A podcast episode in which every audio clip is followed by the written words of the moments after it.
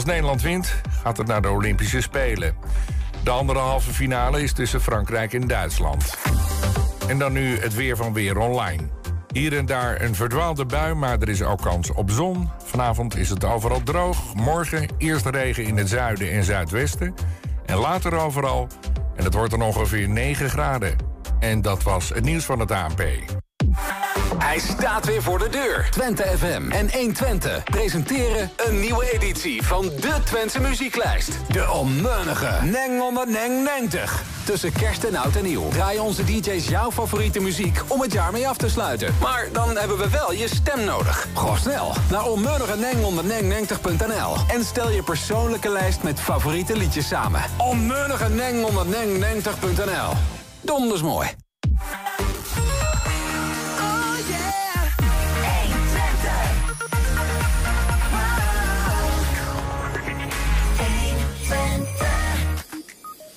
De hengeloze schilder Renske Schild maakte portretten... en dat liet ze zien bij het programma Sterren op het Doek. Daar portretteerde ze drie personen, waaronder ook de Twentse Johanna Terstegen. Niet onverdienstelijk. Ja, we waren bij de heropening van een uniek metaal- en kunststoflab in Enschede bij het Saxion. Al zes jaar zijn er op geallieerde oorlogsgraven in Enschede lichtjes te zien tijdens kerstavond. André van Aarsen is initiatiefnemer daarvan. Nou ja, en hij uh, vertelt er straks meer over. En vandaag een nieuwe editie van In Depot met aandacht voor de praatmachine. Het is maandag 11 december. Dit is 120 vandaag. 120. 120 vandaag. Wie zaterdagavond op de televisie het programma Sterren op het doek heeft gezien... zag hoe de in Twente geboren actrice Johanna Terstegen... werd geportretteerd door onder meer de Twentse Renske Schild. Terstegen herkende zich het best in het schilderij van haar... van die hengeloze kunstenaar. Even kijken. Uh, ik neem dat portret mee. Van Renske? Ja, Renske, ik neem jouw portret mee. Dank je. Ja. Ja, ja wat gaf de doorslag? Ik zie mijzelf. Ik, dit is hoe ik, hoe ik zelf graag ben, Mhm. maar wat niet zo heel vaak voorkomt. Ja. En, eh, en ik ben dit ook wel, maar dit is, hier ben ik op mijn allerleukst voor mijn gevoel. Ik vind, ik vind hem prachtig, maar daar, dat is meer wat ik normaal gesproken ben. Nou, dat is een aardig compliment. Hè? In dit programma Ster over Doek portretteren drie kunstenaars een bekende Nederlander. In dit geval dus Johanna Terstegen. Uh, zij mag kiezen uh, wie, ze, wie ze mee naar huis neemt. Of eigenlijk welke schilderij. Renske, die van jou werd, uh, werd gekozen. Ja, ja. Dat lijkt me een behoorlijk compliment. Een, een heel groot compliment. Want je schildert toch wel heel graag... of als je een portret schildert voor, voor iemand... dan hoop je ook dat hij het zo mooi vindt dat hij het mee naar huis neemt. Dus uh, ja, dat was een, een, een, grote eer. Nee, maar ook wat ze zegt. Dus op dit schilderij heeft Renske mij vast weten te leggen... zoals ik niet vaak ben, maar zoals ik mezelf het leukst vind. Ja. ja nou, Wist je wat ze ermee bedoelde? Um, ja, dat denk ik wel. Want ze, ze komt heel uh, uitgesproken over. En mm -hmm. um, ze is actrice, dus ze is met de wereld bezig... Um, en ik heb haar juist geschilderd op, het, uh, op een manier waarop ze juist um, uh, rustig zit en ingeto ingetogen is eigenlijk. En um, tijdens dat programma, ja, we maken dan eerst een schets. En dat is eigenlijk maar gewoon een schets. En daarna mag je foto's maken. En zij ging precies op dat moment, of ging ze zo zitten. En ik dacht, en ik had, ik had zoiets, ja, zo wil ik je schilderen. Zo werkt dat. Dus je, je, je komt met iemand, uh, maakt met iemand kennis. Hè? Je ja. was in Markelo geloof ik dat jullie kennis ja. maakten voor het eerst. En dan, dan ga je eerst uh, gewoon gaat iemand zitten en ga je een schets maken. Ja, terwijl uh, Eusan interviewt. Dus je, je schildert te, en tegelijkertijd wordt, wordt het interview gehouden. Ja, ja. En, maar dat is maar een schets, dus dat is vrij kort, een uurtje, anderhalf uur hoogstens. hoogstens. Mm -hmm. En dan kun je niet een heel portret in één keer uh, schilderen. Dus dan maak je referentiefoto's mm -hmm. die, die, je mee naar huis kan nemen... en waar je de, dan het echte portret mee gaat maken. Maar waar, waarom in die volgorde? Het lijkt mij, voelt voor mij logischer om gewoon te zeggen... nou, ik maak gewoon wat foto's als, als iemand daar zit... en dan pak ik de mooiste waarvan ik denk, die ga ik natekenen. Um, omdat je al, al tekenend um, uh, al iemand verkent... Um, als je direct een foto neemt en alleen maar daarnaar kijkt, een foto neemt niet de mooie kleuren of niet de juiste kleuren bijvoorbeeld. Um, uh, en je wilt toch iemand eh, qua vorm leren kennen en ook qua uitstraling leren kennen. Dus um, als je mij nu een foto zou geven van je moeder bijvoorbeeld, dan zou ik dat lastiger vinden om te schilderen dan als ik je moeder had gezien en even had gesproken en even had getekend. Hè? Maar hoe, hoe, hoe, kan dat dan? Omdat je de 3D-plaatje ook ziet? Of maakt het karakter van iemand bijvoorbeeld ook verschil? Uh, de uitstraling uh, maakt ook uit. En ehm, eh, ja, je probeert zoveel mogelijk informatie van iemand te krijgen. Dat is ook uh, de uitstraling um, uh, en ook het 3D-beeld. Want je wil het ook weer 3D op het doek krijgen. En, en dan, dan ben je dus aan het schetsen, die eerste schetsen. Dan ben je mhm. eigenlijk iemand schetsend aan het leren kennen, als ik jou dan zo hoor. Ja. En dan is er een moment, dan ga je foto's maken. En dan ja. heb jij op een gegeven moment Johanna in deze pose. En dan denk je, dit is uh, wat, zoals ik haar heb leren kennen in de schets of zo? Of hoe werkt het dan? Uh, ja, of, uh, ja, ik vind dat heel lastig, lastig vast te leggen wat dat precies is. Maar het is een, dat kan zomaar een ogenblik zijn dat iemand op een bepaalde manier kijkt... of iemand een bepaalde houding heeft. Dat je denkt van als kunstenaar van daar zit alles in. Daar zit, zit de persoon in, er zit de, hoe het licht valt, hoe de, hoe het, de houding is van iemand. Maar had je toen ook al door, dit vertelt het verhaal van een Johanna Terstegen die um, op het toneel, op het doek, een bepaalde, uh, nou, of als ze interviews geeft, een bepaalde persoonlijkheid naar voren schuift. maar dat is maar één van, de verhaal, één van haar nou ja, wezens. En daar zit ook nog een wezen waar ze zelf over zegt, die zie je niet zoveel. En dat, die heb ik hier. Ja. Ja. En hoe dat kan, dat ik dat toevallig, of dat ik dat, ik weet niet of het toevallig is, maar dat ik dat pakte, dat weet ik niet. Maar uh, dat, toen ze die houding nam, dacht ik van ja, nu heb ik, heb ik jou uh, op, een, op een kwetsbaarder of, of, of, of, of meer in jezelf gekeerde manier dan de, de persona die je in de buitenwereld bent, zeg maar. Heb je het met haar daarover gehad, later? Nee, nee, we hebben weinig, weinig tijd daarna gehad om daarover te hebben. Maar het lijkt me zo, het, het, is bijna, want je moet ook bijna een soort van, ja, niet psycholoog, maar je moet wel wat mensenkennis hebben om iemand, dus om een beetje door iemand heen te kijken, lijkt me, als ik jou zo hoor praten. Um, ja. Ja, en uh, ik heb daar eigenlijk nooit zo heel erg over nagedacht uh, wat dat precies is. Uh, maar ik denk wel dat portretschilders, die zijn zo gericht op, op de mens en op de vorm van de mens en op de mimiek en op de uitstraling in de ogen of in de houding. De, die uh, voelen dat vaak feilloos aan van hoe iemands energie is of hoe iemand het beste geportretteerd kan worden. Ja. Het was eerder opgenomen, denk ik, hè? Ja. Hoe heb je daarnaar gekeken? Heb je met andere mensen gekeken? Ja, ja, ja, ja, want op, um, uh, ik, ik zit bij de kunstwerkplaats um, Mullerwerf. De Mullerwerf, ik weet niet of je dat kent. In ja, Hengelo, ja. grote kunstbroedplaats. En daar, was een, daar is nu een grote tentoonstelling met 120 kunstenaars uit heel, heel Twente. Daar gaat dat zien, erg, heel erg mooi. En dat was de opening die avond. En we hebben tijdens de opening hebben we daarnaar gekeken. Dus, uh, maar je mocht nog niks zeggen? Of had je stiekem al wel gezegd? Nee, nee, nee, nee, ik mocht niks zeggen. En ik kreeg later ook te horen van... Goh, wat heb jij een pokerface? ik, mocht, ik mocht niks zeggen. Die zouden ze moeten portretteren. ja, ja, misschien wel, ja. ja. ja. Dus, uh, en dat was ontzettend leuk en gezellig. En, uh, en Irma, de, degene die kunstwerk, eigenlijk de, de moeder van de, de, de kunstwerkplaats. Irma Bruggeman, de nachtburgemeester ja, van Engelo. De nachtburgemeester. Ja. Je had dat prachtig georganiseerd. Een fantastische opening. En ik, ik, wil ook alle luisteraars vragen, kijkers vragen. Ga, ga er eens heen tijdens een tentoonstelling. Zeker deze tentoonstelling. Want je ziet 120 kunstenaars, kunstwerken van kunstenaars in heel uh, Twente. Van heel Twente dus. En daar waren, ze, er waren dus ook veel kunstenaars op dat moment... die samen meekeken naar ja, die... Ja, nou, de opening was om zes uur en de uitzending om tien over half negen. Maar ik denk dat er nog zo'n vijftig kunstenaars of mensen waren... die uh, samen met mij gekeken hebben. Hoe reageerden ze? Want oh, niet alleen zij, maar je zult natuurlijk ook wel ja, berichten krijgen... uit het land van mensen die je kent van... hé, hey, ik heb je gezien. Of... Ja, zeker. Nou, uh, uh, die avond zelf uh, was iedereen helemaal enthousiast en echt aan het meeleven tijdens de uitzending. Dat was echt heel erg leuk. Um, en daar, ik, de berichtjes stroomden binnen. Ik heb echt honderden reacties gekregen op Facebook, op Instagram, op WhatsApp, via de mail. Dus dat was gisteren heb ik de hele dag daar alles weer beantwoord en, en weggewerkt. wat zeiden ze terecht? Ja. Of waren er ook die zeiden...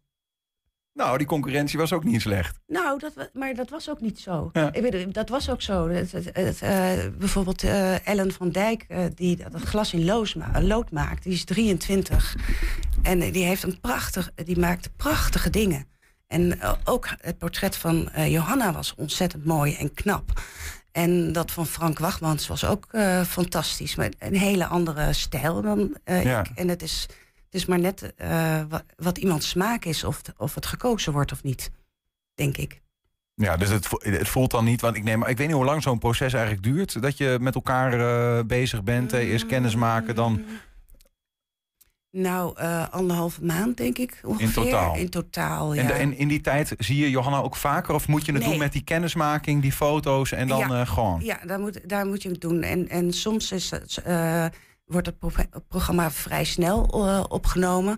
Ik had vier weken de tijd om het te schilderen. Ja, ja. Ja. En heb je in die tijd ook eh, eh, dat je met die andere, ja, je concurrenten, om het zo maar te zeggen, nee, heb contact ik hebt? eigenlijk, Of? eigenlijk niet, Nee. niet echt contact. Ja, gewoon een, een beetje. Maar ik heb niet gezien wat ze hebben waar ze mee bezig waren. Nee, of wat ze ja. van plan waren. Nee. Ja, ja. Dus voor jou is het ook wel een verrassing als je dan bij die einduitzending komt. Van, ja, dit, wat, wat Ja. hebben zij weer gemaakt? Ja, ja je, weet, je weet de stijl van de andere kunstenaar, maar je weet eigenlijk niet eh, wat ze hebben gemaakt. Ja. Ehm, de- tijdens de kennismaking, dat was ergens in, in, eh, in eh, Markelo, hè, de, eh, leek het erop als jullie alle drie zoiets hadden van... Wie is dit? Want je, hebt een, je, Mhm. je krijgt met een BN'er te maken, dat weet je. Ja. Ehm, wat dacht je toen je Johanna Terstegen zag? Ehm, ik dacht van, ik ken jouw gezicht, maar ik weet niet wie je bent. Ja, ja, ja. Ik kan goed gezichten onthouden en niet, niet zozeer namen. En ehm, eh, ik, ik geloof niet dat ze dat hebben uitgezonden, maar toen er werd gezegd spoorloos, toen ging er wel wat dagen bij mij. Zo van, ach ja, natuurlijk. Ja, ja, en meer recent natuurlijk eh, de beentjes van Sint Hildegard. Hè, die hebben Ja. volgens mij heel Nederland bijna gezien ja en ik inmiddels. moet tot mijn schaamte zeggen, ik ben totaal niet op de hoogte van Nee. eh, theater en film. En ik heb de, tijdenlang alleen maar bezig geweest met kunsten. Is dat Omdat lastig? het, Op zo'n moment dat je denkt van... eh, weet je, want je zei net van... het heeft ook te maken met mensenkennis, hè, portretteren. Mhm. Vond je dat lastig dat je dacht... oeh, ik, ik had iemand liever gezien... die ik misschien nog wat beter had gekend van tv of iets Eh, dergelijks? nee, en volgens mij heb ik dat ook op tv gezegd. Eigenlijk maakt het niet zo heel veel uit wie je schildert. Dat kan iedereen zijn. Ehm, eh, dus het maakt ook eh, het, ma- het maakt niet zoveel uit eigenlijk. Want Ja. eh, eh, je kijkt naar vorm en je kijkt naar energie van iemand en hoe iemand eruit ziet. En, en daar doe je het mee. Je hebt al eerder ehm, mooie dingen gedaan... op het gebied van portret schilderen. Eh, we hebben twee werken. Misschien even gewoon leuk om te laten zien. Ja. Ehm, Ja, die is ook te zien op, nu op de kunstwerkplaats De Mullenwerf in Hengelo. Dat is eh, eh, Mr. Jacobs. En eh, dit portret werd geselecteerd en stond op de shortlist van de Nederlandse Portretprijs. Dit jaar was dat, 2023. de Nederlandse portretprijs, dat, Ja. dat klinkt in ieder geval ook als een... ik, Ja, het is een grote, een grote eervolle prijs als je die wint. Maar Ja. ook als je op de shortlist staat, dan is dat ook een enorm eervol. Eh, er- er worden 50 werken uitgekozen, eh, zowel schilderijen als, eh, als beelden. Mhm. En eh, die eh, hebben eh, in een tentoonstelling gehangen op eh, Slot Zeist. En je hebt er nog, nog één die ooit geportretteerd of die ooit Ja, genomineerd dit was, is, eh, 2021. Ja, dit is een portret van mijn moeder. En die, is, eh, die stond ook op de shortlist eh, 2021. Eh, ook in Slot Zeist tentoongesteld geweest. Eh, Dit is je eigen moeder. Dat is mijn eigen moeder, ja. Is dat eh, anders? Om je moeder te portretteren? Ja, toch wel. Ja, want dat is, dat is eh, je hebt zo'n speciale band met je moeder. Op wat voor manier dan ook. Dat als je daarmee bezig bent, dan ben je daar.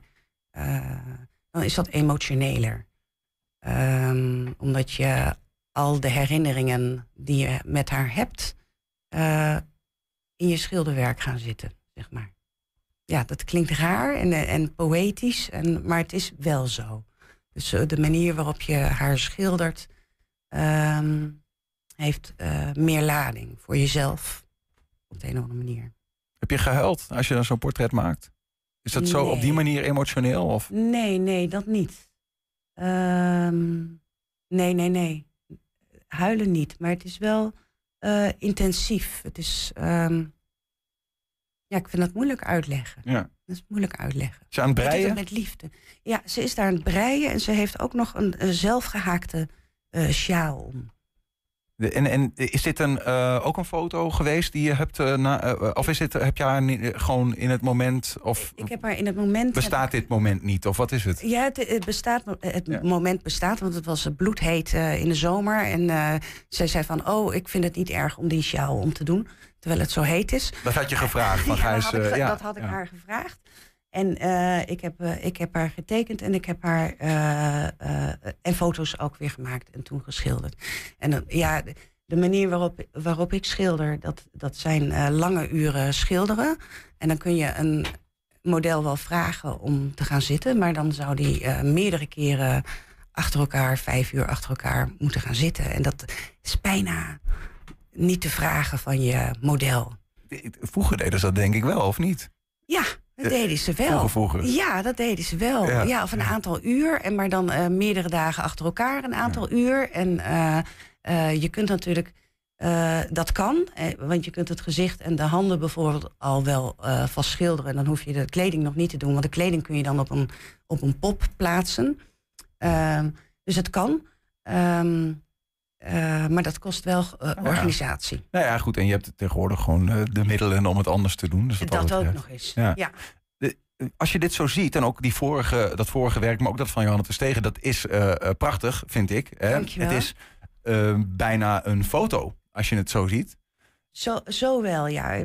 Dat, ja. Van een afstand lijkt het een foto, maar kijk je dichterbij... dan zie je de, toch duidelijk de penseelstreek. En dat wil ik ook graag, want ik wil dat het een, eh, een schilderij is. En het is eh, eh, niet een foto, want dan zou ik een foto ophangen. Ja, ja. ja. Ja.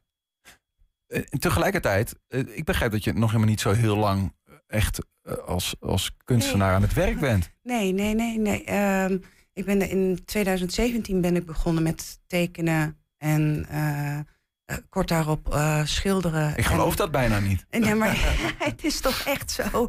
Ja, ja, je kunt het zelfs op mijn Instagram zien. Dan zie je mijn eerste schilderijen. eh, mijn eerste probeersels met olieverf. Dat, dat ziet er eh, niet uit.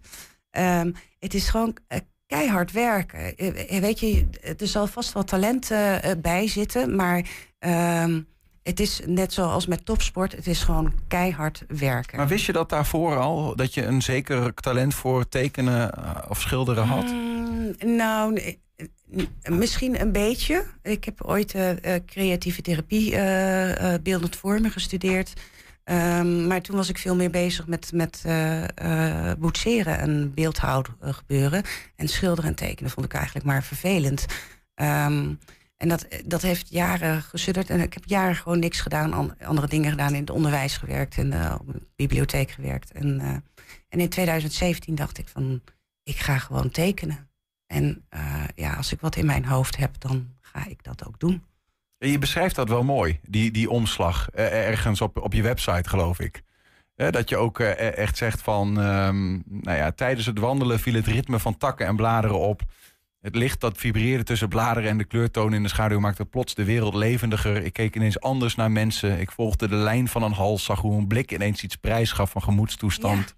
En misschien ook, zoals je net van Johanna vertelde Ja, eigenlijk. Ik ja. wilde het vastleggen, deze vergankelijke, vluchtige schoonheid. En zo via mijn potlood en penseel het leven vieren en delen. Ja. Maar ja, dat moet je dan nog maar zien op dat moment. En het moet ook nog maar lukken. Dat het zijn moet twee ook nog verschillende maar dingen. lukken, ja. En die weg van, eh, van, van dat je het ziet en dat het lukt, ja, dat is gewoon eh, keihard werken. Ik had op een gegeven moment eh vuilniszakken vol met, met doeken met olieverf, omdat ik weer wat eh, had geschilderd wat me niet beviel. En er, oh, sorry, en er, Nee, weer, en er weer af. Ja. Dus ja, dat, eh, ehm, eh, vaak als je naar filmpjes kijkt van schilders, dan lijkt het alsof het allemaal zo makkelijk gaat. Maar dat, is, dat zijn vaak uren werk. En schilderijen worden nooit heel snel geschilderd. Tenminste, niet dit soort portretschilderijen. Bij Johanna ook? Hoeveel, eh, hoeveel doeken heb je? Johanna, die schilderde ik in één keer. Ja? Ja, ja, ja. Nou, of in één keer. Eh, toen Eus kwam, dan, dan zag je een gedeelte van de, van de onderschildering. En daarna gewoon doorschilderen. Dat, dat ging in één keer. Maar het portret van die jongen bijvoorbeeld, die handen, die schilderde ik één dag, daar was ik niet tevreden over. Dan ben ik dus eh, zes uur lang bezig schilderen geweest. En dan ben je moe.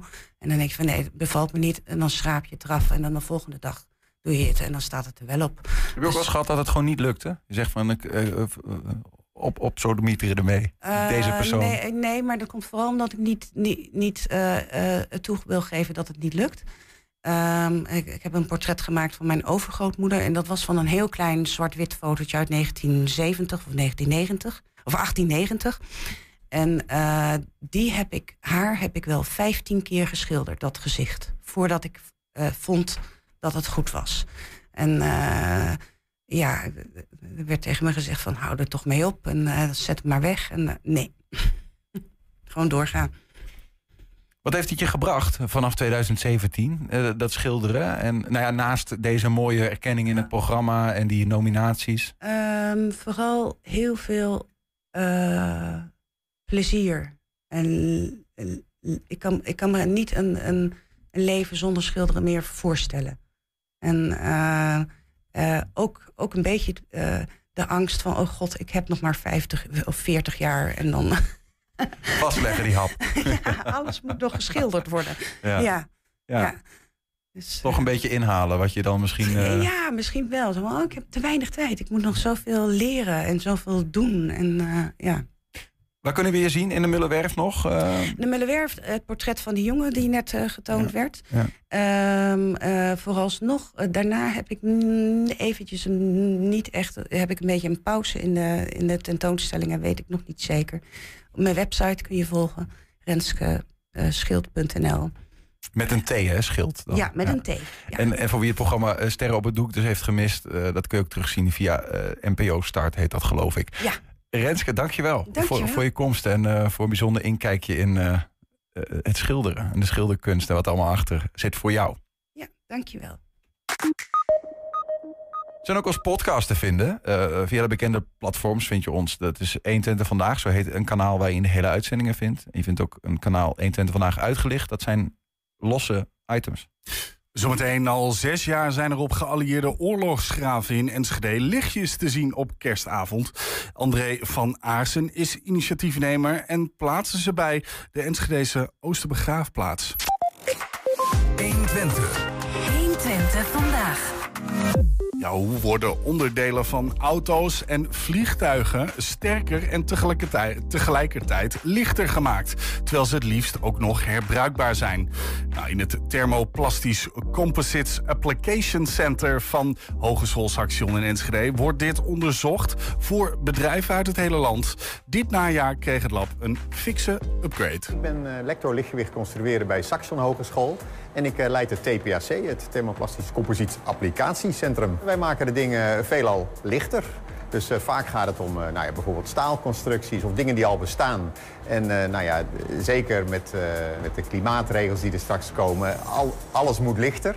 Lichter is zeker bij dingen die bewegen vaak beter. Hè? Je hebt minder energie nodig, minder brandstof. En wij proberen dat met een ander soort materialen eh, te bewerkstelligen. TPAC-lab, dat staat voor Thermoplastisch Composiet Applicatiecentrum. En composieten, dat zijn, nou, dit kennen we vaak uit vliegtuigen of sportartikelen. Dat zijn hele lichte materialen. En die worden dan inderdaad voor hele dure racefietsen te gebruiken. Of een vliegtuig kun je ook wat bij voorstellen. Eh, dat mag wat kosten, maar want elke kilo die je niet de lucht in hoeft te schieten, dat, ja, dat bespaart gewoon. Eh, alleen er zijn nog een heleboel andere toepassingen die er ook gebruik van zouden kunnen maken. En dat proberen wij in, in dit lab eh, in orde te maken. Maar dan voor de typische Nederlandse midden- en kleinbedrijf. Gewoon de ondernemers uit de Nederlandse maakindustrie. En dan moet het veelal wat goedkoper en behapbaarder te zijn. Achter ons ook, je ziet, we hebben hier machines staan... die in feite het hele productieproces kunnen nabootsen. Een van de onderdelen die we hebben gemaakt bijvoorbeeld... is een, een demonstrator van een auto, eh, auto-onderdeel, dus zeg maar een spatbord. eh, volledig uit eh, gerecycled kunststof met vezels erin die de stijfheid en sterkte geven. Met allemaal Nederlandse bedrijven. De een levert de korrel, de ander levert de tape, et cetera.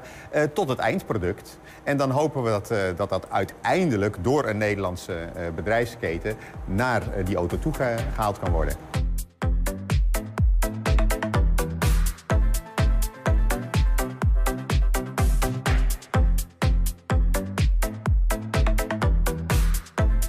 Heel veel projecten vanuit de hogeschool. We zijn gewoon onderdeel van de Hogeschool Saxion. We doen heel veel projecten met bedrijven en instituten.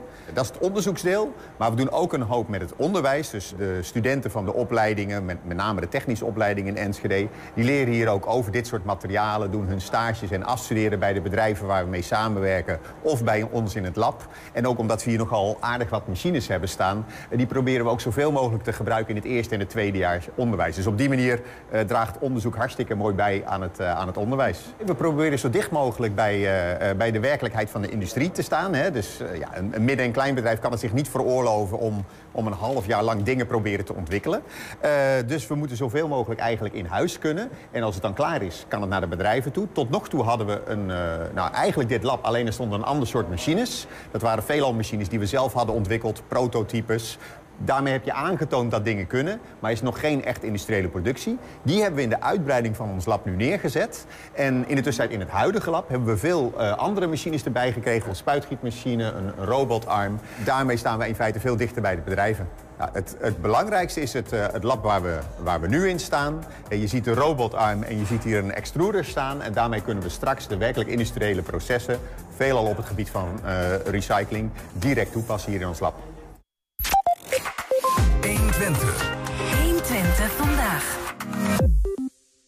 Waarom doen we dat eigenlijk niet eh, in Enschede? Dat dacht André van Aarsen toen hij las over een lichtjesactie op kerstavond. Bij zo'n 21.000 oorlogsgraven van geallieerden in heel Nederland wordt op die avond een kaars gezet. André pakte de handschoen op en organiseert de lichtjesactie nu al zo'n zes jaar op de Enschedeze Oosterbegraafplaats, waar 50 Tweede Wereldoorlog geallieerden liggen. Dit jaar dreigde even een geldtekort, maar er kwam al snel hulp. Eh, André, goedemiddag. Goedemiddag. Hoe hoog was de nood? Nou, de nood. We hebben geluk gehad. eh, in het verleden heeft ooit een keer iemand eh, gewoon 50 kaarsjes gedoneerd. In Natura. Dus ik had hem wat een buffertje op kunnen bouwen. Maar goed, de prijzen van de kaarsen gaan omhoog. Eh, vroeger kocht je voor gemiddeld een euro. Tegenwoordig is dat de goedkoopste die ik heb kunnen kopen op het moment was 1,30 euro. Dus ja, dan komt zo'n bodem nog wel een keer in, in zicht van zo'n zo'n zo'n reserve. Ja. Ehm, we hadden nu heel veel geluk, want eh, ik kreeg in één keer een eh, berichtje. Ik heb je eh, oproep gezien. En dat was van het marktmanagement voor de dinsdagmarkt. Had je een oproep op Facebook gedaan? En de mar- marktmanager van de dinsdagmarkt in Enschede... die stuurde mij een berichtje van... wij gaan dit jaar gaan wij gewoon de hele actie sponsoren. Dus we zijn weer gered. Ja, ja, nou ja, zo- bij- bij- hulp uit onverwachte Ja. hoek lijkt mij Ja, bijna, toch? Totaal onverwacht, ja. Wat om hoeveel euro ging dat precies? Dat ging om 80 euro. Dus het zijn geen, geen, geen wereldbedragen. Eh, maar ja, je moet wel elk jaar proberen toch weer te- opnieuw die actie te doen. Ja, ja.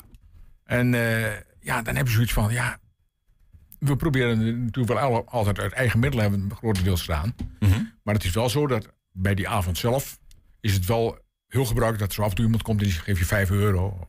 Dat Ja, ja, en dan eh, schraap je wat bij elkaar, Ja. maar er blijft dus altijd wel een soort van een gaatje achter. Ja, en dan nou, is toch even... En ik had altijd geluk, eh, twee nichten van mij, eh, die, die droegen er altijd bij.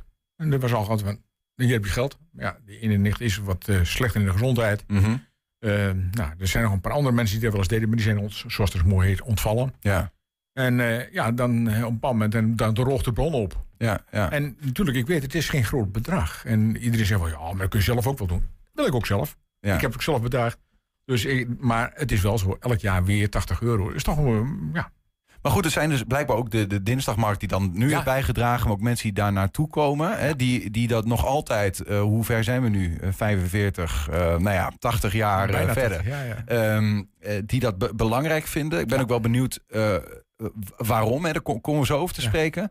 Ehm, maar misschien eerst even, wat, wat, is het, wat houdt het eigenlijk in? Kun je zo in een, ja, om, half vijf eh, op die kerstmiddag, zeg maar 24 december begint het, in de schemering. Wat ga je doen? Eh, het is eigenlijk, eh, we houden het heel bewust heel klein.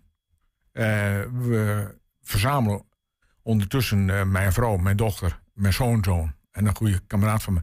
Die zetten langs het pad wat we moeten gaan, zetten ze oliefakkeltjes. Mhm. Want het is nu ook stikke donker. Op de heenweg gaat het wel, maar terug het eh, hartstikke donker op zo'n begraafplaats. En ehm, dan op een bepaald moment verzamelt die groep zich eh, die interesse heeft. Dat is een hele losse groep. Je hebt natuurlijk altijd de bekende gezichten die elk jaar komen. Maar er zijn ook altijd mensen die zeggen van laten we dit jaar eens gaan kijken. Nou, op een bepaald moment is het half vijf. Dan zeg ik, dames en heren, volgt u mij.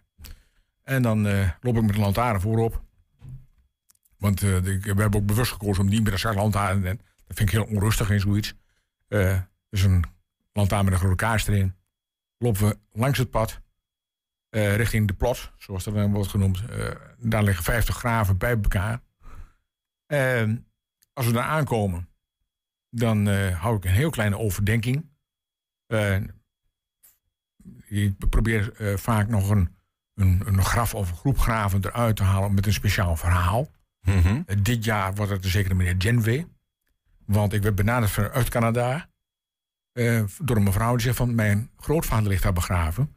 Zou je een foto willen maken van het graf met de kaars erbij? Die ben ik gaan uitzoeken. Wie dat nou precies was en wat er precies gebeurd is. En het is een heel bijzonder verhaal. Die meneer is zo, door verraad is die, hij is neergeschoten. Hm. Ondergebracht bij het verzet. En vervolgens door verraad is hij eh, overgedragen naar de Sicherheidsdienst. En de Sicherheidsdienst die heeft hem op de Hengeloze hier in Enschede doodgeschoten. Dus het is een heel bijzonder verhaal. En daar probeer ik elke keer, elk jaar weer een ander verhaal uit te halen. Om die, om die mensen toch nog 80 jaar na dato een soort Ja. gezicht te geven Ja. op die manier. Ik roep ook altijd van, op het moment dat de kaarsen geplaatst worden, want eh, de procedure is dan, ik hou die inleiding, dan krijg je de, de zogenaamde Pledge of Remembrance. Dat is een vaste formulering die door de Britse, eh, door de Britse herdenking eigenlijk gevestigd is. Eh, they shall not grow old as we grow, left grow old. Each shall not weary them, nor the years condemn.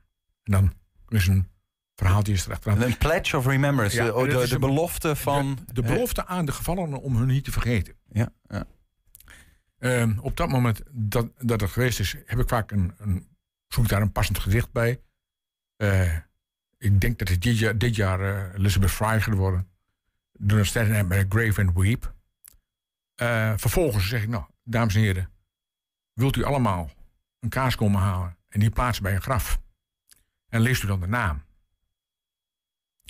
Want, zoals het oud gezegd is, zolang de naam genoemd wordt, ben ik niet gestorven. Ja, ja. Dan is de, het plaats van de kaars is achter de rug. Verzamelen nog weer eventjes om het eh Cross of Remembrance. En dan eh, da- bedank ik de mensen. Bedank uit- uiteraard de Franekenblazers, de, de midwinterhoornblazers... die dan eh, op de achtergrond eh, hun midwinterhoorn laten klinken. En dan lopen we gezamenlijk terug. En dan trekken we de kofferbak open. En dan hebben we altijd een thermoskan met koffie en een thermoskan met chocolademelk. En voor de mensen die daaraan behoefte hebben... eventjes bij elkaar praten, eventjes net weer even die switch maken van de herdenking naar de echte wereld. Ja.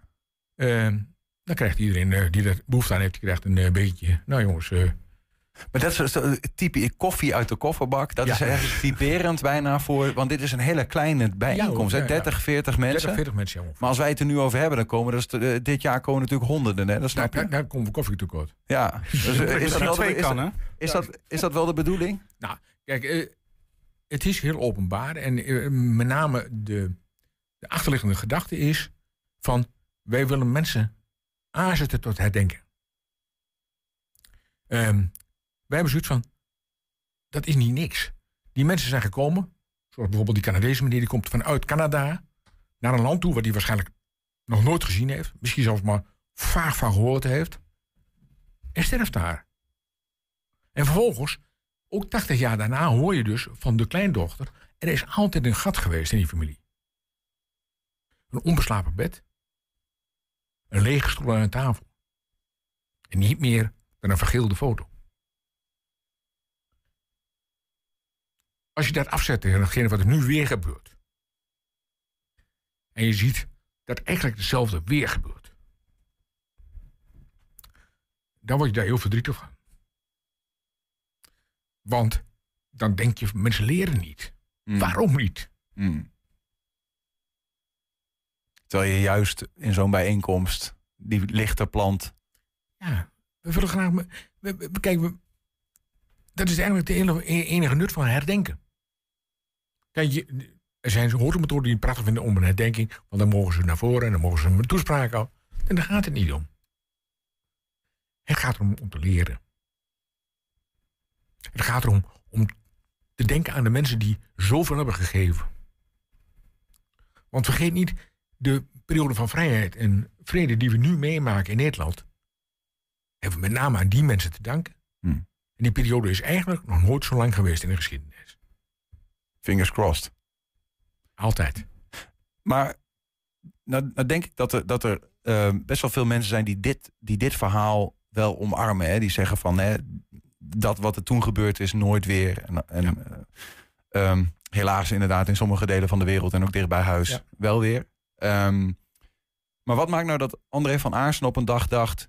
ehm, ik ga hier de handschoen oppakken? Ja, nou ja, kijk.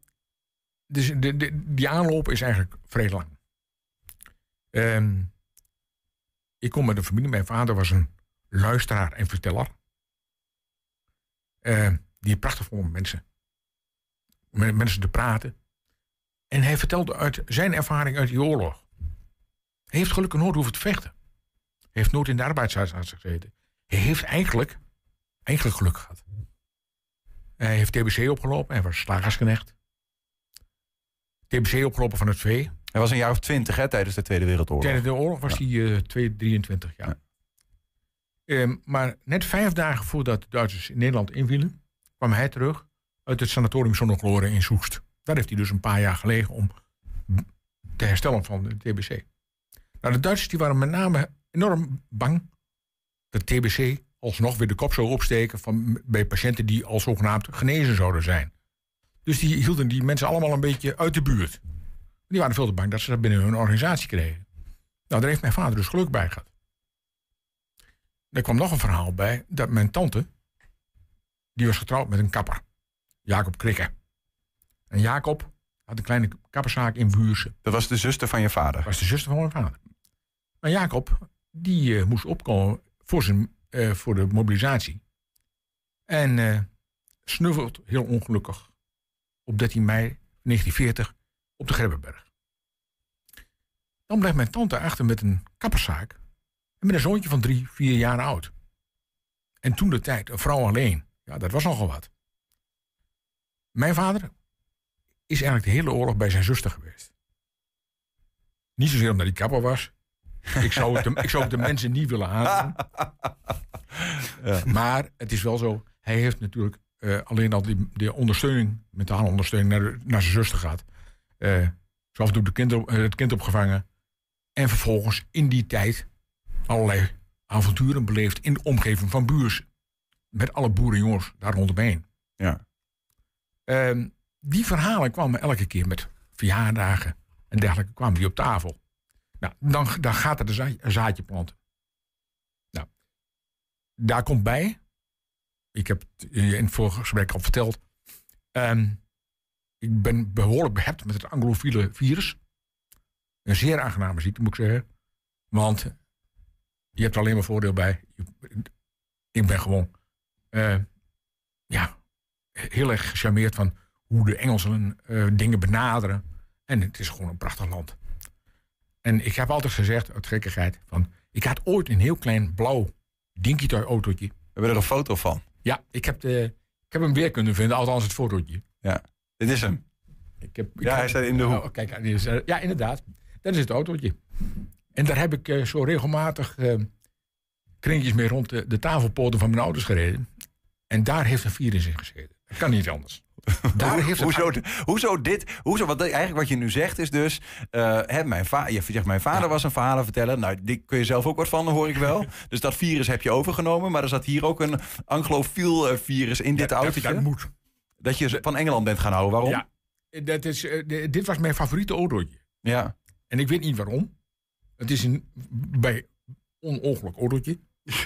dit, dit, Het is een beetje Mr. Bean auto voor mensen Nou ja. die het niet eh, eh, hebben kunnen kijken, die nu meeluisteren. Nou, het is, het, is, het is een autootje uit 1958, geloof ik. Nou, dat kan wel kloppen. Ik ben van 1957. Ah, 56. Niet overdreven. ik ben 1956. Ehm, dat was eigenlijk een van mijn eerste dinky toy autootjes. Later werd dat vervangen door Matchbox, lang niet zo leuk. Die waren te, te gelicht. Maar toen ook intrigeerde mij al. Nou, toen had ik een autootje van een suikerfabriek, Tate Lyle. Alleen al dat Tate Lyle vond, ik- vond ik prachtig. En dat is nog altijd een beetje zo. Ja, ja. Dus ik, ik kom regelmatig in Engeland als ik de kans krijg. Eh, en ik ben ook lid geworden van de, de Royal British Legion. Ja. Dat is de veteranenvereniging voor Engeland. In Engeland is dat een hele grote organisatie. Die houdt zich bezig met eh, sociale zorg, financiële zorg. Voor veteranen. Eh, geven enorm veel ondersteuning aan veteranen. Ook de nieuwe veteranen, zeg maar. Want wij zeggen altijd heel snel veteranen uit de Tweede Wereldoorlog. Maar ja, ook Afghanistan mensen zijn natuurlijk uiteraard veteraan. Ja, Dat wordt ja, vergeten. ja. En hier in Nederland beperkt zich dat tot eh, de Holland Branch. En dat is een vrij kleine groep. Zeggen ze allemaal, bijna allemaal oude grijze koppen. En die houdt zich met name bezig met herdenkingen in de landen. Van de Britse Britse geallieerden. geallieerden, ja. Ja, ja. Ja, want er is ook nog weer er ook nog verschil tussen de Britse en de Canadezen. Want de Canadiën hebben een eigen eenheid, maar we kunnen heel goed samen. Ja, ja, precies. Maar goed, ik hoor je eigenlijk zeggen... eh, jouw vader was... ehm, nou, die, die heeft zich... eh, met de, nou, eigenlijk door TBC te krijgen geluk gehad dat hij geen onderdeel werd van de oorlog. Ja. Eh, maar wel, eh, nou ja, daardoor kon hij verhalen eh, ophalen op allerlei plekken. En dat vertelde hij door, onder meer aan jou. Daardoor is die oorlog voor jou veel meer een Is gezicht gaan krijgen. Ja, heel erg gaan leven.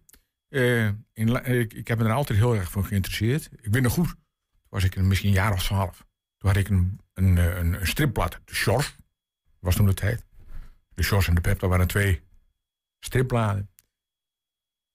En toen zag ik, als jochie van 12, dat er een wekelijks of maandelijks zal het geweest zijn, uitgave kwam over de oorlog. En die kon je dan binden tot, tot een boek. En toen zegt hij, wil ik graag hebben. Toen zei mijn vader, dat kan wel. Maar aangezien de financiën, wij hadden het niet zo breed. Dan moet je de shows opzeggen. Nou, dat heb ik gedaan. En die boeken hebben nog steeds in mijn boekenkast staan. Wauw. Tussen de 1500 andere boeken. Ja, ja, ja. bijzonder. Ja. Ehm, nou ja, dit jaar ga- gaat het daar weer ge- gebeuren op die plek. Ja. Ehm, dan is er, een- nu zijn er middelen, zeg maar. Ja, Eh, eh, de- de- goed, dat is misschien ook een klein ding, maar, maar de- hoe, wat jou betreft, zeg maar, hoe lang moet zoiets worden, worden voortgezet? Ehm, ik hoop het eh, te voor, voor te zetten totdat ik, eh, zolang ik, zolang ik het nog lopend kan bereiken, de plot. En dan hoop ik dat iemand anders het overneemt. Kijk, in de regio zijn, zijn natuurlijk vrij veel mensen die zich daarvoor interesseren en ook engageren. Dat, eh, ook oud-veteranen, eh, mensen die gewoon vanuit hun interesse. Op dit moment zijn er mensen bezig om bijvoorbeeld bij al die graven, die, al die 50 graven die er liggen uit de Tweede Wereldoorlog, om daar een gezicht bij te vinden. Nou, dus voor een heel groot deel is dat al gelukt. En de andere proberen ze nog boven water te krijgen. Er zijn een heleboel mensen die zich daar toch voor in willen zetten. En gelukkig. En ook, ik denk, als ik nu zou zeggen van ik kan niet, Dan pakt iemand anders het op. dan staat er iemand anders. Ja, overigens, er zijn in Enschede eh, 51 Tweede Wereldoorlog geallieerde klopt. graven. Hè? Maar er zijn maar 50 op de Oosterbegraafplaats. Eén is begraven in Lonneker. Ja. De flight, eh, flight officer Don. Die is eh, neergestort. En die is begraven op de, op de Rooms-Katholieke begraafplaats in Lonneker. De- de- en daar, daar de- is dit een oproep aan iemand om Nee, daar eh, nee, even dat- of niet? Dat is, ook dat is afgedekt. Mijn dochter woont in Hengelo. En op het moment dat zij met haar, met haar eh, vriend op deze kant op komt, gaan ze altijd eventjes een paar staan. Mooi, zodat ze niet eh, vergeten worden. En in, in de gemeente Losser, daar had ik het eigenlijk eerst ook willen oppakken. En daar is Hallo Losser in gesprongen. En de redactie zegt van, het zijn acht graven. Waar praten we over? Dat gaan we doen. Dus die, er liggen vijf in de Lutte. Er liggen er twee in Losser en één in Overdinkel. En daar gaat s s'avonds, de laatste keer ging er iemand op zijn fietsje gewoon langs en eh, wat een kaars geplaatst. Ja, ja. Maar het is nou zonder enig ceremonieel, want dat is niet te doen voor zo'n klein groepje. Dan, eh, dat komt altijd wel weer goed met, eh, met 4 mei. ja. Goed, de, in Enschede eh 50 van de 51 eh, waar in ieder geval die, die ceremonie even eh, in het kleine omheen zitten. Waar jij het initiatief voor, neemt, ook dit jaar weer. André, dankjewel voor, voor, voor, voor in ieder geval vertellen wat daar gebeurt. Ik kende dat verhaal niet, maar ook voor nou ja, je, je emotie en je passie die daaronder ligt. Dank je.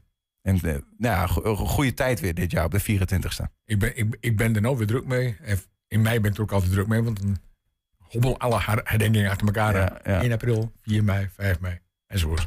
Dankjewel.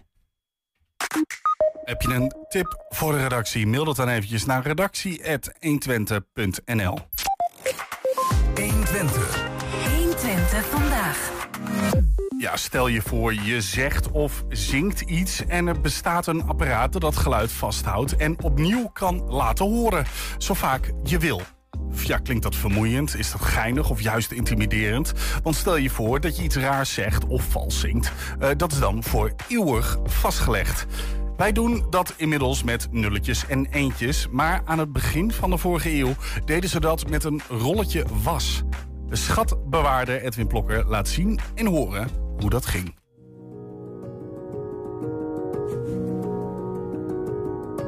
Intrigerend ding. Ja, ja, ik hou van apparaten. Ja, ik hou ook van apparaten. Ja. Dat is mooi, met een slingertje eraan. Ja. We staan op de oude plek, in het depot. Ja. En je hebt net dit uh, hier uit de rekken getrokken. Ja. Vertel, wat is het? Ja, dit is, Waar een, kijken we dit, naar? dit, dit is een fonograaf.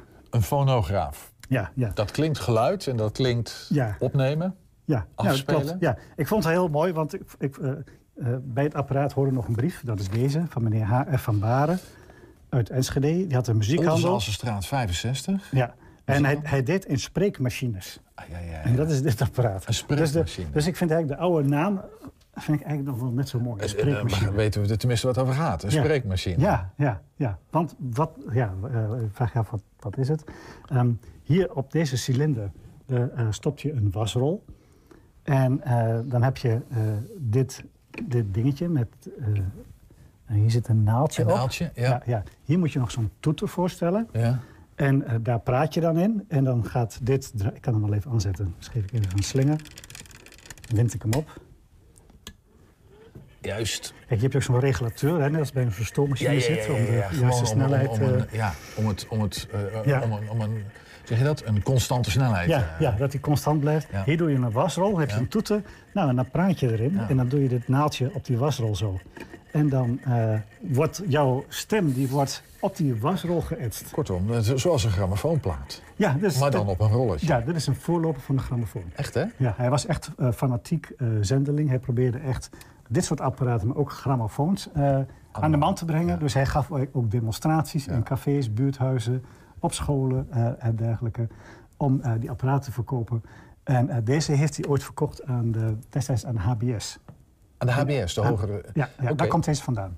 Ja, want die staat ook aan, eh bla bla bla, eh, dat is een datering, eh, eh, aan de heer Van Capelle, directeur de HBS. Ah, ja. En eh, wat hij hierin schrijft is een instructie van hoe je hiermee om moet gaan.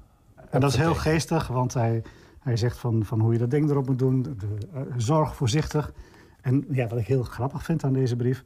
eh, deze meneer Van, van Baren, hè, dus die, ding, die het apparaat levert... die kwam zelf uit Utrecht. Ja. En eh, nou ja, wat schrijft hij dan? Ehm, nou, je moet, bij die toeter moet je eh, eh, daar vuistafstand moet je er vanaf gaan staan. Dat zeggen wij in de studio ook altijd. Ja? Vuist, ja, ja. nou, dat schrijft hij hier ook. is niet vuist, vuist eraf. en dan moet je duidelijk en, en goed spreken. En ehm, eh, je moet langzaam duidelijk spreken. Vooral de S, die moet je goed uitspreken. Uh-huh. En, de- en dan vooral heel belangrijk, denk ik, want hij heeft dan de Twentenaren in de achtergrond. Je moet de laatste letter der woorden niet inslikken, maar goed en duidelijk voor in de mond spreken. Kortom, want je, je wordt vereeuwigd, dus dat moet wel netjes gebeuren. Ja, ja, ja. Ja, geweldig, mooi. Ik vermoed, dit zijn die wasrollen, vermoed ik. Ja, dit zijn Ik, allemaal eh, wasrollen. Eh, niet alle doosjes zijn, eh, zijn vol, maar er zijn een aantal Ja. eh, wasrollen. Hé, maar kunnen we niet zo'n rolletje afspelen? Maar we hebben niet zo'n toeter en zo. En, eh, En dat, eh, Edwin, ik- ik- alles moest je te zijn. Hè? We stonden net bij een boekje. ja. En toen zeg je, hé, hey, hier ligt die toeter. Die Ja, was ik kwijt. ja, ja, klopt. Die ligt gewoon in het museum. Ja, ja. Nou ja, we hebben er ook een, een paar zonder, eh, zonder dat we... dat we zouden het kunnen uitproberen. Dan ga ik de toeter even halen.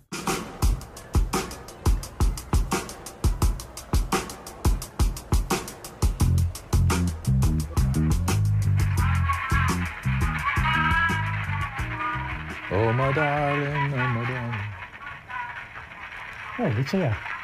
Een liedje?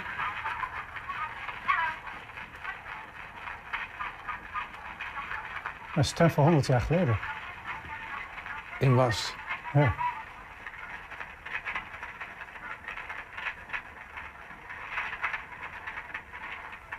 Toch verbazend hoe die, hoe die recorder... Het is een wasplaat, hè? Ja.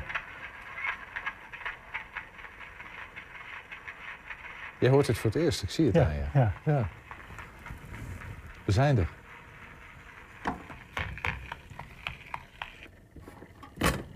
Opmerkelijk, joh. Maar Ja. waarschijnlijk, ik hij heeft hier waarschijnlijk eindeloos mee geëxperimenteerd. Zoals natuurlijk, ik kan mijn vader had vroeger Ja. zijn grote bandrecorder. Ja. En die nam onze geluidjes op, Ja, zijn ja, eh, ja. verjaardagsfeestjes. Weet je, allemaal onzin, maar achteraf gezien nu. Ja, ja, ja, maar dit is natuurlijk allemaal van eh, HBS, hè? dus dit, dit zullen ze in de klas opgenomen hebben, Ja, ik aan. precies. Ja. Destijds, 100 jaar geleden. Ja, nou, we hebben een wasrolletje van 100 jaar geleden. Goh, dat kan niet iedereen zeggen. Ja. Maar hey, een Enschedeze muziekhandelaar en een, Ja. een zendeling voor dit soort apparaten. Hij, heeft, hij is hier een Enschede muziekwinkel begonnen in, in 1907. Nou, in 1923 had hij er al zes of zeven. Dus ook in Borne, Almelo, overal had hij muziekwinkels. Eh, en hij is ook nog een handeltje begonnen in eh, porselein. Doe maar. Ja. Maar zelfgemaakt porselein. Ik bedoel, je zegt Ehm, eh, porselein nou, hij heeft het gieten laten of- bakken. Ja, heeft- ja. ja, ja, ik heb hier nog Maar dat is waarom je hier dat bord... eh, Ja, dat is, komt ook uit onze collectie. ja, HF van Baren. Uitgevers en ontwerpers, HF van Baren. En CG, CG Campagne. Campagne, het Enschede. Eh, dit is ontworpen door die eh, meneer Van Baren, dus samen met die eh, boekhandelaar. Ja. Campagne. Campagne. gevaar voor mijn leven heb ik aan vreemden gegeven wat ons volk niet had. Ik heb nu als beloning een paleis als een koning. Wie doet me wat? Ja, door, twee voorwerpen in de collectie die ogenschijnlijk niks met elkaar te maken hebben. Maar toch. Maar ja, toch is- uiteindelijk is het een verhaal. Ja. Mooi man, dankjewel. Kan de wereld dan veranderen in 100 jaar, hè? Ja, het gaat snel. Het gaat snel. Volgend jaar zal het nog slimmer zijn. Vanavond is dit ook op 120.nl te zien. Eh 8 en 10 zijn we op televisie 10. Zometeen op onze televisiezender Voetbaltijd met Andy van der Meijden. Ga dus kijken. Tot morgen. Thema beveiliging staat voor betrokkenheid, adequate optreden en betrouwbaarheid. Waar de concurrent stopt, gaat thema beveiliging net een stap verder. Thema beveiliging levert alle vormen van beveiliging voor zowel de zakelijke als de particuliere markt. Thema beveiliging, de beveiligingsorganisatie van het Oosten.